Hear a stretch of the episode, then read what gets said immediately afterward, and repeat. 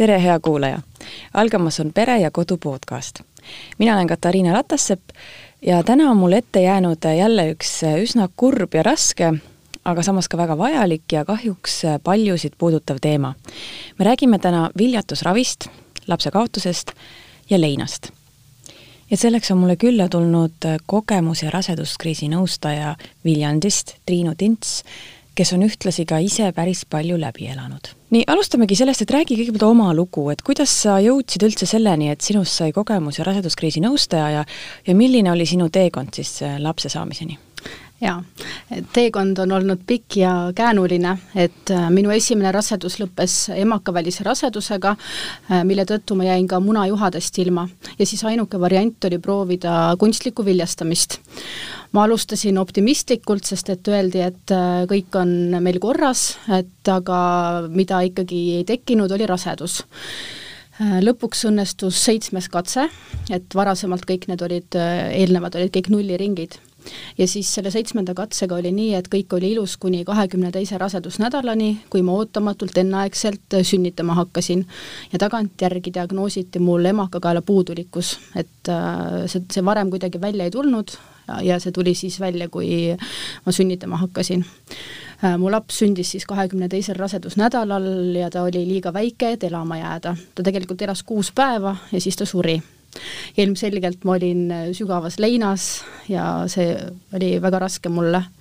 et ja, ja samas ka väga elumuutev äh, kogemus, mis ma sain siis, kui ma olin taastunud mõnda aega ja mu abikaasa ka, et siis me hakkasime uuesti proovima jälle siis kunstlikku viljastamist. Ja siis läks kolm katset, õnnestus järjekorras siis kümnes katse aga see oli väga keeruline rasedus, et äh, ma olin riskirase, mul oli mitmel korral katkemisoht, verejooksud, aga tänu arstidele siis õnnestus rasedus lõpuni kanda ja ma sünnitasin kolmekümne seitsmendal rasedusnädalal terve lapse. et see on praegune seis. kui vana sinu laps praegu on ja mis tema nimi on? Äh, kaks pool aastat vana ja Andre. aga räägime natukene sellest kunstlikust viljastamisest, et et ma saan tegelikult aru, statistika näitab, et iga viies-kuues pere vajab viljatusravi, aga, aga sellest teemast nagu noh, see on ju väga suur number, aga sellest teemast nagu ei räägita väga palju, et miks see, miks see kunstlik viljastamine, miks see tabuteema on või miks sellest ei räägita? see on nii isiklik teema lihtsalt, et äh, seal on nii palju aspekte ka, mis seda kõike nagu mõjutavad ja inimesed äh, noh, see on neile isiklik, see on neile raske asi, et nad ei taha sellest võib-olla nii avalikult rääkida. kas sina kogesid ka seda, et, et küsiti, et, et miks ei ole juba lapsi või? Õnneks äh, mitte, et ei olnud seda küll mm. -hmm. ma kujutan ette, et selle juures võib olla see päris mm -hmm õudne veel sealjuures. pigem oli see, et äh, kui me neid katseid tegime, siis noh, alguses me ei rääkinud äh, väga kellelegi, et et me viljatusravi teeme, lihtsalt me tahtsime nagu ise tegutseda ja noh, loomulikult me lootsime, et õnnestub ka kohe, eks ole, aga ei õnnestunud ja me ei rääk-, ja no mingi aeg me hakkasime rääkima ja siis ma mäletan, üks sõber ütles mulle ühel hetkel, et lase vabaks. siis ma mäletan, ma nii ärritusin selle peale, ma olen selle peale nagu mõelnud praegu ka, et noh, ja ma nagu mõtlengi, et kuidas saab vabaks lasta, kui ma pean käima arsti juures, ma pean ennast süstima, ma pean võtma rohtusid, ma tean täpselt, kuna mulle midagi tehakse, eks ole, on ju, ja siis see ei õnnestu, on ju.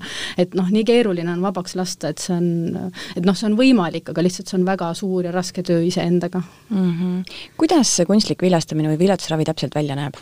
Äh, ma just äh, vaatasin, et teil ühes podcastis rääkis doktor Aluri ITK-st, rääkis ka viljatusravist ja kunstlikust viljastamisest ja kuidas see käib, nii et et tasub seda kuulata, äh, aga muidu kunstlik viljastamine on näidustatud siis, kui naisel ei ole tekkinud rasedust vähemalt ühe aasta jooksul regulaarse suguelu järel, kuigi naine seda soovib, et noh, üldiselt võetakse see üks aasta, et üks aasta peaks proovima ja siis kui midagi ei toimu, et siis võiks pöörduda kuskile arsti juurde aga kunstlik viljastamine toimub äh, tegelikult katseklaasis ja väga sarnaselt selles suhtes loomulikule viljastamisele, lihtsalt äh, see toimub kehaväliselt. et pannakse kokku naiselt saadud munarakk, mehelt äh, saadud seemnerakk, need viljastuvad ja siis, kui need on viljastunud, siis need pannakse tagasi naise emakasse, ehk siis siirdatakse, aga sellest, kas sellest ka rasedus tekib, seda ikkagi garanteerida ei saa et kõik võib olla senimaani korras, kui siirdatakse, siis peab ootama nädal-kaks, oleneb, kuidas arst ette näeb ja milline see raviplaan on,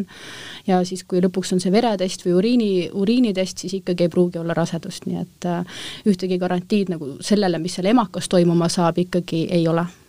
Kuidas see protsess emotsionaalselt naist mõjutab, kuidas see sind mõjutas? Uh,? Mul on praegu pigem või ajaga on kuidagi nii läinud, et uh, alguses oli emotsionaalselt raskem, praegu on kuidagi nagu füüsiliselt raskem. et äh, nagu muut-, muutus on toimunud. aga mil viisil ta on füüsiliselt raske? no keha ju mõjut- või need rohud ja ravimid, kõik need hormoonid, mida ma võtan, mida ma süstin, need ju mõjutavad ikkagi minu, ma ei tea, kaalu näiteks, minu tuju, et äh, kas viljatusravi saab naine võiks ka pöörduda raseduskriisi nõustaja poole? kindlasti võib et äh, ma arvan, et selline toetuse nagu otsimine ja toetuse saamine on väga okei okay ja väga mõistlik, et, et en, en, enda koormat kergendada mm. -hmm. kas sa oled ise ka tundnud, et, et sa vajad nagu tuge või abi või, või kellegagi rääkimist? jaa, ma olen käinud küll ise ka oma nende ravide jooksul äh, nii psühholoogi juures kui ka raseduskriisi nõustaja juures, et jah. kuidas see pikk viljatusravi protsess mõjub suhtele? No tähendab, kui inimesed koos hakkavad olema, eks ole, et siis ühel hetkel nad ju ikkagi üldiselt mõtlevad selle peale, et saada järeltulijaid ka, et jõutakse suhtega sinnamaani ja noh, see on täiesti loomulik, sest et üks loomariigi selliseid instinkte on ju järglaste saamine ja inimene on ka osa loomariigist. nii et, et selles pole nagu midagi imetabast, aga lihtsalt ongi see, et kui paar on koos, nad proovivad saada, neil ei õnnestu, eks ole, et siis võib seal igasuguseid muresid ja probleeme tekkida, sest et noh, mehed ja naised on juba erinevad, et näiteks sellest, et kui naised äh, tahavad võib-olla rohkem rääkida, siis mees hoiab pigem endale, siis äh, ei saada aru, et naine võib sellest järeldada, et äkki mees nagu ei pühendugi nii palju või ei taha seda kõike nii palju, kuigi mehel on just see, et tema tahaks äh, noh, me-, mehel on probleem selles, et, et ta, ta tahaks midagi muuta, aga ta ei saa midagi muuta, eks ole, see määramatus ja kõik, nii et ja uuringutega on ka välja tulnud, et viljatusravi pikkus tihtipeale mõjutab ka suhet, ehk siis mida kauem on ravi kestnud, seda nagu äh, keerulisem võib äh, suh-, suhe olla või seda noh, rohkem võib probleeme tekkida. aga samas on ka mõned uuringud, mis on öelnud, et kui üksteisega ollakse avameelne, suheldakse, üksteist toetatakse nii palju, kui noh, inimene vajab, eks ole, et siis võib suhe just nimelt ka tuge-, tugevneda, nii et äh, Mm -hmm. et seal nagu sellist ühest, et täpselt nii läheb ka ei ole. kuidas see sinu ja sinu mehe suhtele mõjus? meile su-, me, meile mõjus hästi, sest et me kuidagi otsustasime, et me räägime. ja mul alguses mees käis ka hästi palju kaasas minuga arsti juures, sest et viljatusraviga on see, et isegi siis, kui äh, viljatus on mehest tulenev, meil on minu tõttu, aga, aga kui on mehest tulenev, siis tegelikult väga paljud protseduurid käivad ikkagi läbi naise, nii et naine saab sellise suurema koormuse mm. -hmm et, et siis, et aga meie otsustasime, et ta käib minuga kaasas ta käis kaasas, noh nüüd praegu või noh, viimastel aegadel nagu on see, et mul, ma tunnen, et mulle pole vaja, siis ma olen öelnud, et ära noh, et ei ole vaja tulla, et kui sa just ise ei taha mm. -hmm. ja kõik selline hästi avameelne rääkimine. aga muidu jah, et see viljatusravi, noh, need ilmselgelt mõjutavad inimese enesehinnangut, inimese äh, naiselikkust, mehelikkust, et äh, noh, kui, kui naine tahab last saada ja talle öeldakse, et ta ei saa või on mingi probleem, et ei saa, eks ole, et siis ilmselgelt ta ei pruugi ennast nii väga naisena enam tunda ja kõik sellised asjad. Mm, kui mõne kuulaja tutvusringkonnas on siis mõni, mõni paar, kes saab viljatusravi, siis kuidas neile toeks olla? olemas olla, et tihtipeale piisab sellest, kui lihtsalt öelda, et äh, ma olen sinu jaoks olemas, kui sul on vaja ja mitte võib-olla ka äh, noh, ongi see, et nagu me alguses rääkisime, et mingid sellised mingid naljad või küsimused, et kuna siis teie või miks teie ei saa, eks ole, et neid ei tasu ikkagi võib-olla küsida nii väga ja et mm noh, muidugi neid vanaemasid, vanaisasid ei saa ära hoida, et nemad vist ikka küsivad. jah, on ette tulnud. noh, õnneks mitte küll meil, aga mm. -hmm. aga räägime natuke sellel teisel äh, raskel teemal mm -hmm. nüüd, et äh, lapse kaotusest, et see on nüüd küll väga loll ja lihtne küsimus, et aga kuidas sa tundsid ennast siis uh,? Mul oli väga raske, jah. kuidas sa sellest äh, üle said, kuidas sa sellest välja tulid, kes sulle toeks oli, kuhu sa ise pöördusid? Äh, ma ise, ma mäletan, mul üks sõbranna pani mind äh, kõigepealt äh, kohe ühe kriisinõustaja, ühe leina ja kriisinõustaja juurde kirja, et ma läheksin ja no kuidagi noh, mina, mina arvan, et, et kui on nagu võimalik, et, et mingit tuge või abi saada, et siis võiks seda kasutada, et ma olen selline tüüp. et siis ma läksin ja siis noh, tema oli üks sellest, kes mind nagu kuidagi nagu äh, aitas või toetas nii, nagu mul vaja oli, kuigi ma käisin seal ainult kaks korda. mm. -hmm. kas sealt hakkas seeme idanema ka, et sa võiksid ise seda tööd teha uh,?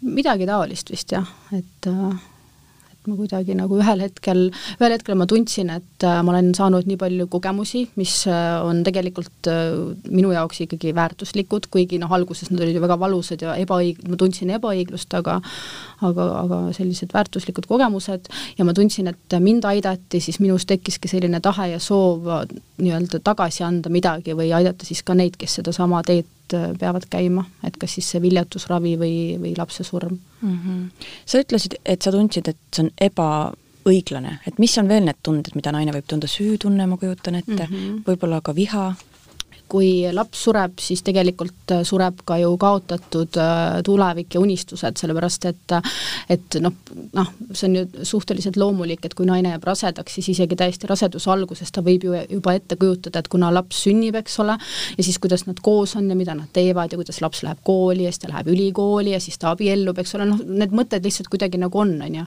et, äh, et siis, kui laps sureb, siis kõik see unistatud tulevik on läinud, seda ei ole ole enam nii et, äh, et kui vanemad lapse kaotavad, siis nad leinavad ka oma kaotatud tulevikku sellega koos.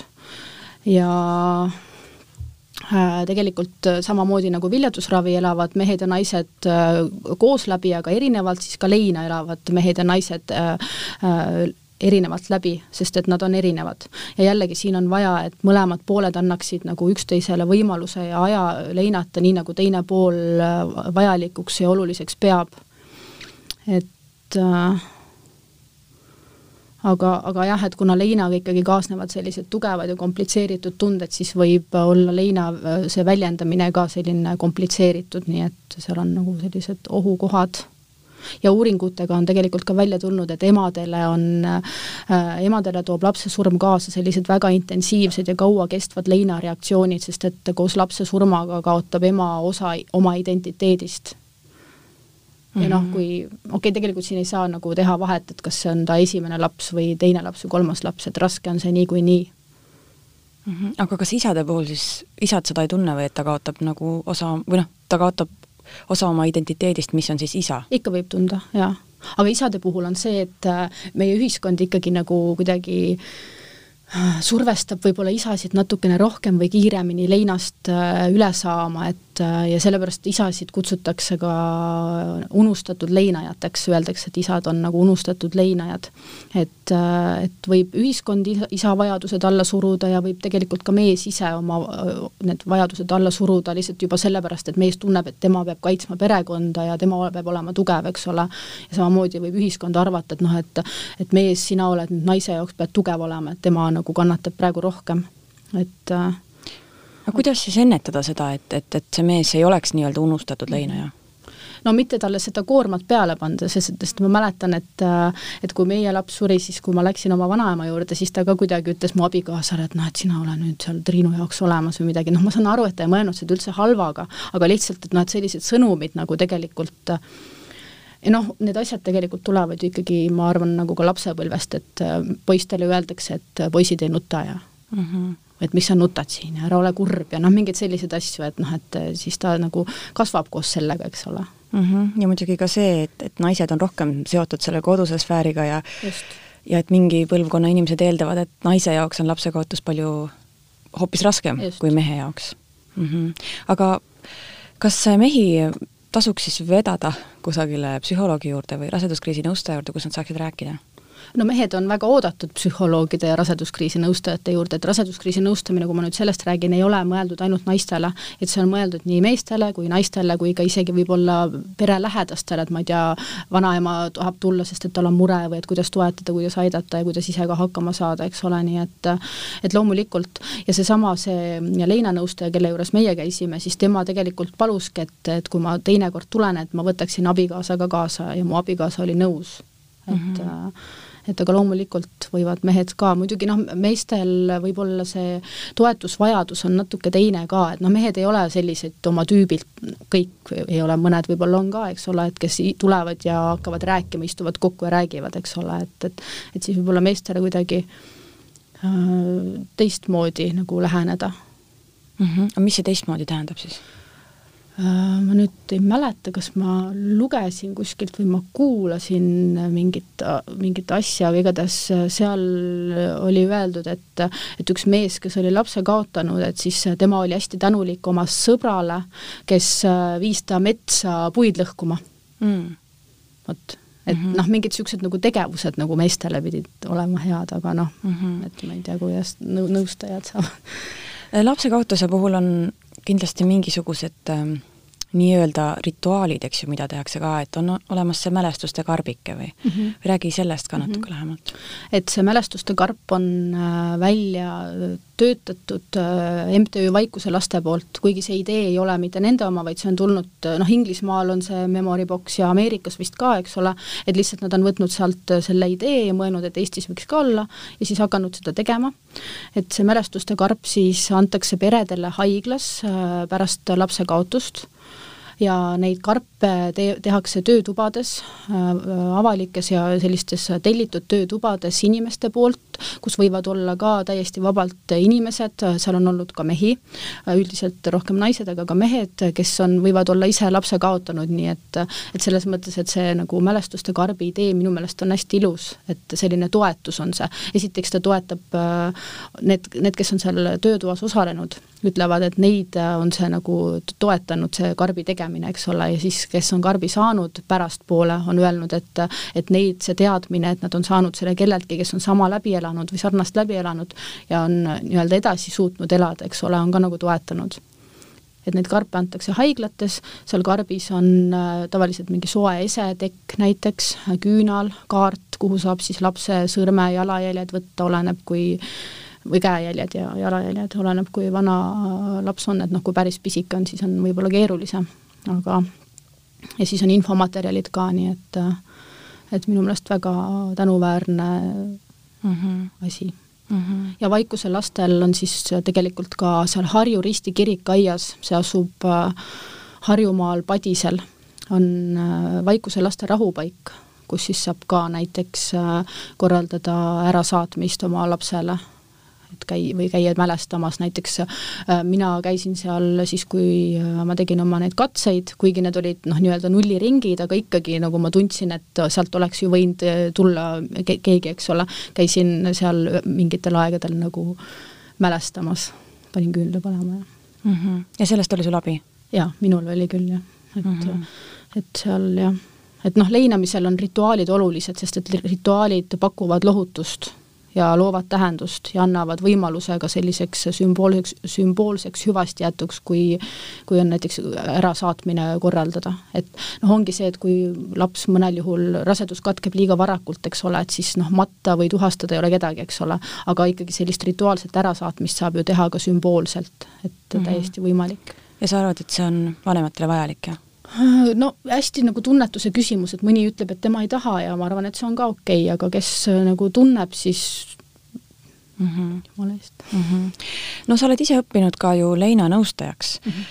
et kas on olemas mingit nagu sellist õiget või konstruktiivset viisi, kuidas leina läbida mm -hmm. või, või kas sellel on mingisugused ähm, no sa ütlesid, et rituaalid aitavad mm, -hmm. mis veel aitab äh,? ongi see, et äh, teadvustamine ja see, et leina tuleb läbi elada, lein on loomulik protsess, ta on kohane äärmuslikule olukorrale, mis on seotud mingi kaotusega, eks ole, et kui me midagi, keda, kedagi või midagi kaotame, et siis me võime leina kogeda ja kogeme ka tavaliselt. et ja noh, inimesed üldiselt pelgavad leina, aga tegelikult on lein tervenemisprotsess, et kui me ei leina, kui me paneme oma kaotuse, pakime kuskile ära, eks ole, meie sisse, siis tegelikult on seal kogu aeg olemas ja ta võib ühel hetkel väga ootamatult äh, välja tulla ja siis äh, võivad olla nagu suured äh, tagajärjed ja probleemid sellel.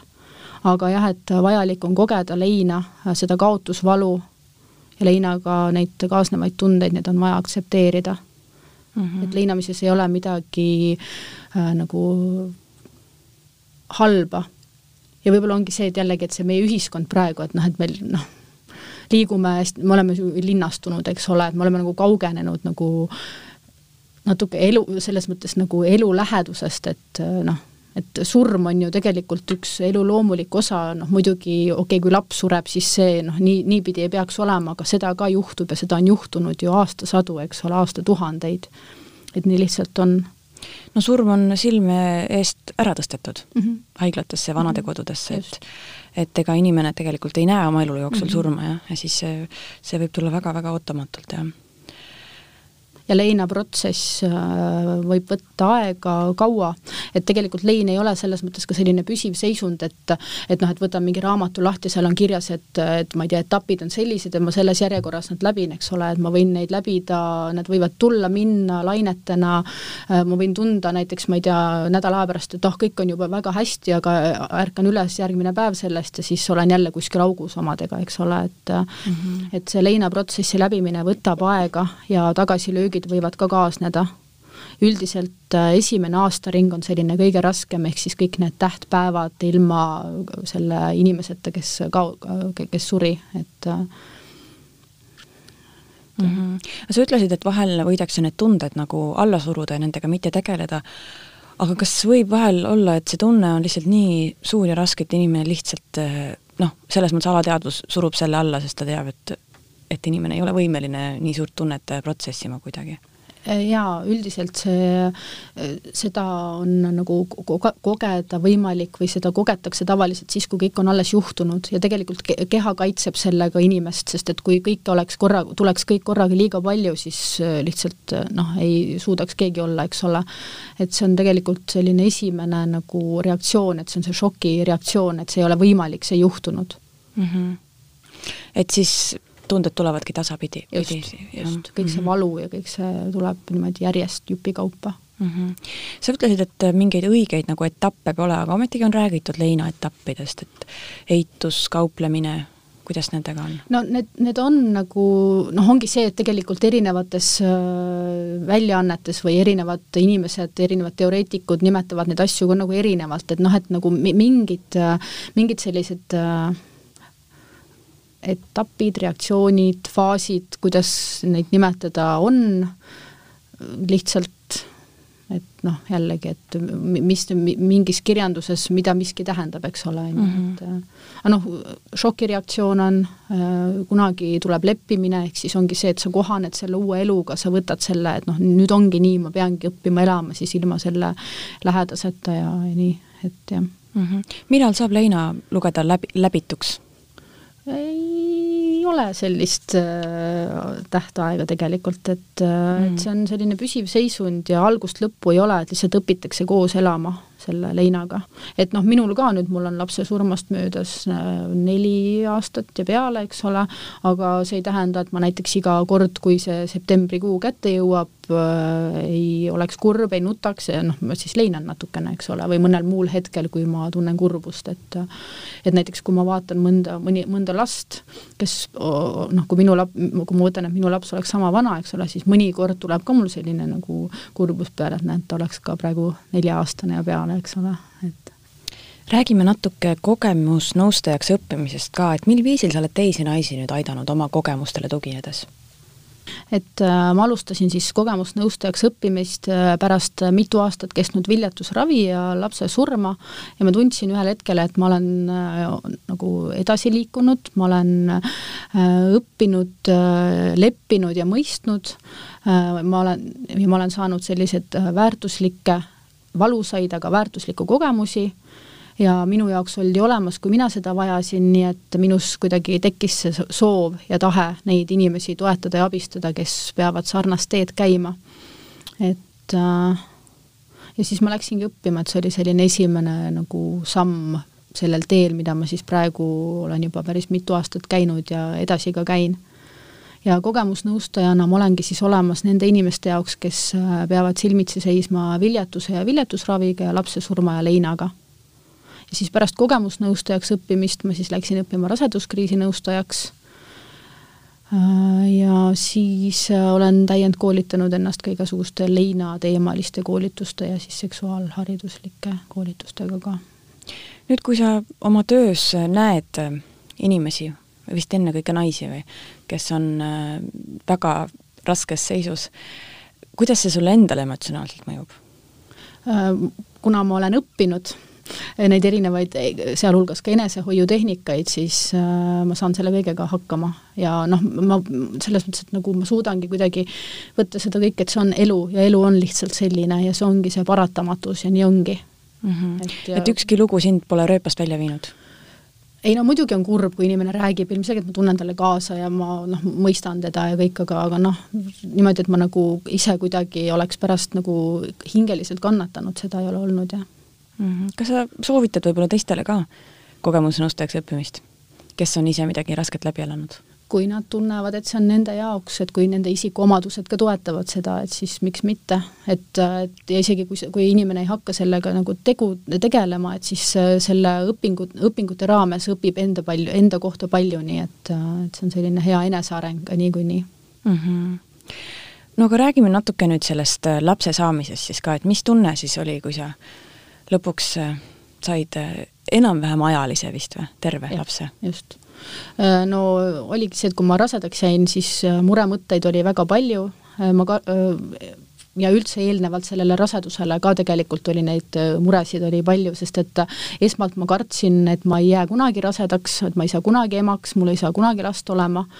ja siis, kui mu esimene laps siis enneaegselt sündis ja suri, siis ma kartsin, et ma jään emaks, kellel on surnud laps, kes saab oma last ainult surnuaias vaatamas käia, nii et sellised nagu jah, suured mured olid ja väga raske hirmus mõte, jah. just aga siis äh, sellest enneaegsest äh, lapsest järgmine rasedus, nagu ma ütlesin ka enne, et mul oli see väga keeruline, mul olid verejooksud, katkemisoht äh,, aga mulle pandi ka emakakaela tugiõmblus, see siis peaks toetama siis, hoidma seda emakakaela kinni, et kui laps kasvab, et siis ta raskuse all lahti ei vaju, muidugi ma olin ka kodusel rahurežiimil ja haiguslehel, nii et äh, selline jah, nagu vaimselt ka nagu kurnav oli see, aga ma sain hakkama. et äh, ja alguses ma mäletan, ma kartsin hästi paaniliselt ja siis ma kuidagi nagu mõtlesin, et okei okay,, ma võtan päevakaupa, et täna on kõik korras, nii üks päev on möödas, nüüd järgmine, et niimoodi nagu läksin nagu sammu, sammukesega aga siis oligi nii, et kuidagi nagu õnnestuski jõuda kolmekümne seitsmenda rasedusnädalani ja kusjuures äh, ma hakkasin sünnitama nii, et äh, ma olin äh, oma kogemusnõustajate koolituse lõpupeol ja siis ma istusin diivanil ja siis just valati šampust alkoholivaba ja ma ütlesin, noh, valage mulle ka, et hakkan last nagu välja mhm. meelitama, noh nagu öeldakse, eks mm -hmm. ole, šampusega meelitatakse. ja siis käis plõks ja veed tulid, et, et siis tuli kiirabi ja viidi, viis haiglasse, et ja siis äh, ühel soojal, väga, väga soe äh, kevad oli see aasta, siis kui ta, mu laps sündis, et sündis äh, mulle väike poeg, kõik oli hästi ja lõpuks oli mul selline rahu ja õnnetunne, et ma tundsin, et ma olen nagu terveks saanud, kuigi ma ei ole oma lapsele nagu seda ülesannet või eesmärgi pannud, et tema on see, kes mind tervendab, eks ole, et noh, ma tean, et ta ei ole nagu selle mõttega nagu saadud, vaid lihtsalt mm, -hmm. aga noh, ilmselgelt on, ta on mind tervendanud mm. -hmm. aga ma saan aru, et te üritate vist ka järgmist last saada, eks ole, viljatusravi teel? jah mm. -hmm. kuidas see protsess nüüd on, kas see on nüüd selle võrra lihtsam, et üks laps on juba olemas? jah, selles mõttes, et ma nagu saan võrrelda nagu sellega, mis on nagu minevikus olnud, siis on küll lihtsam jah, et et muidugi ikkagi on see, et kui ma nagu tunnen, et ma tahan veel rase olla ja sünnitada ja last saada, eks ole, et siis nagu seda tunnet ikkagi nagu minult ära ju ei võta, aga, aga noh, mul on üks laps olemas. küsin lõpetuseks seda, et kindlasti meid kuulab keegi, kelle lähiringkonnas on mõni perekond, kes midagi sarnast läbi elab, et kuidas ikkagi neid toetada, kuidas neil, nende, nende jaoks olemas olla mm? -hmm. Ja tegelikult inimene vajabki teadmist, et tema jaoks ollakse olemas, et tema tundeid ja mõtteid austatakse, et teda kuuldakse, kui tal on vaja ja kui tal on vajadus kas siis rääkida või mitte rääkida, et seda nagu aktsepteeritakse ja siis, kui ta tahab rääkida, et siis ka kuulatakse ja siis sellel inimesel, kes toetada tahab, tegelikult ülesanne nagu toetada on ju väga lihtne, et lihtsalt äh, olemas olla ja kuulata, kuigi noh, mõnel juhul äh, tänapäeva maailmas võib see ka väga keeruline olla. ja noh, mida siis, et, et nagu pisendada ja selline nagu tühistada ja pisendada inimese juttu ei, ei maksa, kui ta räägib oma rasketest läbielamistest või tunnetest, mõtetest, et et no näiteks viljatusravi saavatel inimestel, et küll teil ühel, ühel päeval õnnestub ja küll nüüd järgmine katse õnnestub ja, ja küll või noh, need, kes on lapse kaotanud näiteks, et et kõik saab korda ja saate uue lapse. saate uue ja jumal mm -hmm. tahtis nii, eks ole, et noh, need nagu ei aita, vaid need teevad äh, raskemaks ja valusamaks, sest et viljatusravi puhul on ikkagi see, et et seda garantiid anda, et õnnestub, seda ei saa, sest et on inimesi, kes küll proovivad ja proovivad kaua ja aastaid, aga neil ei õnnestugi ja nii ongi mm. -hmm. mida siis öelda? lihtsalt äh, öeldagi, et äh, ma olen sinu jaoks olemas, ma mõtlen su peale, kui sa tahad, siis äh, mm -hmm. olen mm. -hmm. aga et ma näen, et sul on raske. jah, seda aru. võib ka öelda, jah mm. -hmm. just. ja kindlasti siis austada inimese soovi, noh, nagu ma ütlesin ka, et rääkida nii palju, kui ta parasjagu tunneb ja tahab mm. -hmm aga kuidas vältida seda nagu teistpidist olukorda, et, et kõik hakkavad gigiarvul selle inimese ümber käima ja ja on selliste leinevate nägudega, et võib-olla inimene tahaks just nagu rõõmsamatel teemadel rääkida mm? -hmm aga võib-olla siis ongi lahendus või, või vastus see, et äh, inimesega nagu rääkida sellest või küsida tema käest, sest et see inimene ju ise teab kõige paremini ju, mida tal mm -hmm. vaja on, eks ole. et mitte eeldada, sest et noh, eeldus äh, jah, ei vii tihtipeale kuhugi, vaid ongi, et küsida mm, -hmm. et äh, mida sa vajad, kuidas sa vajad, et, et ma sind toetaksin mm. -hmm. aga kui meid kuulab mõni paar, kes on ise midagi sarnast läbi elamas, siis kus nemad võivad abi leida, kas on olemas mingeid ühinguid, Facebooki gruppe, äh, kus nad saavad psühholoogilist abi mm? -hmm. no MTÜ Vaikuselapsed on, MTÜ Hingesillad on tegelikult olemas, äh, siis viljatusraviga tegeleb MTÜ Viljatusravi Tugikeskus, ehk siis paaride või perede toetamine, nõustamine, info jagamine, ja ka Facebookis on olemas äh, gruppe, et need on küll sellised kinnised ja salajased, aga neid leiab üles ja sinna saab esitada taotluse liitumiseks, et peab vastama ka mingitele küsimustele, aga, aga jah et.... mis seal gruppides toimub?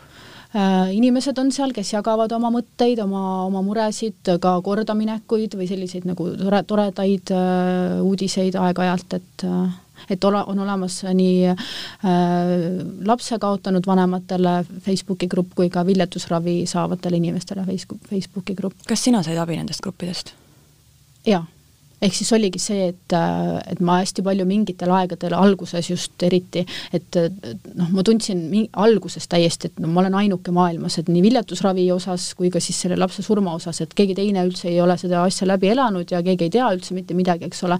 ja siis ma hakkasin ühel hetkel nagu otsima internetist lugusid ja kõike, noh siis ma sattusin nendesse gruppidesse ka, et viljatusravi gruppi enne, sest et see oli ajaliselt varem lapse leinaga nagu hiljem, aga see nagu hästi toetas mind, ehk siis et on inimesi, kellel on sarnased lood ja, ja noh, ja siis ma saingi jagada enda lugu, enda küsimusi, enda mõtteid, inimesed vastasid ja samamoodi sain ma ise ka mõn-, mõnel juhul nagu vastata võib-olla mõnele teisele ja et ja ma olen saanud nendest gruppidest nüüd aastate jooksul inimesi, kellega ma nagu päriselt suhtlen ka, keda ma saan sõbraks nimetada, nii et mm.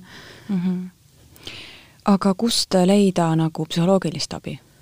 me oleme siin rääkinud raseduskriisi nõustamisest ja kogemusnõustamisest ja mhm. leinanõustamisest, kust leida raseduskriisi nõustaja, alustame sealt. jah äh,, rasedus.ee on veebileht, kust leiab mm -hmm. raseduskriisi nõustajate kohta infot äh,. loomulikult võib küsida ka näiteks ämmaemanda käest äh,, kui äh, mä-, mälestuskarp saadakse, kui laps siis sureb, eks ole, et siis seal on need infomaterjalid, kus on ka kirjas, et äh, kust on võimalik äh, abi leida, vaiksed.ee näiteks on jällegi leht, kus saab infot siis lapse surma kohta ja et kuhu pöörduda mm, -hmm. mida arvestada ja kõike muud, nii et seda võib ka vaadata mm. -hmm. nii et tuleb natuke lihtsalt guugeldada?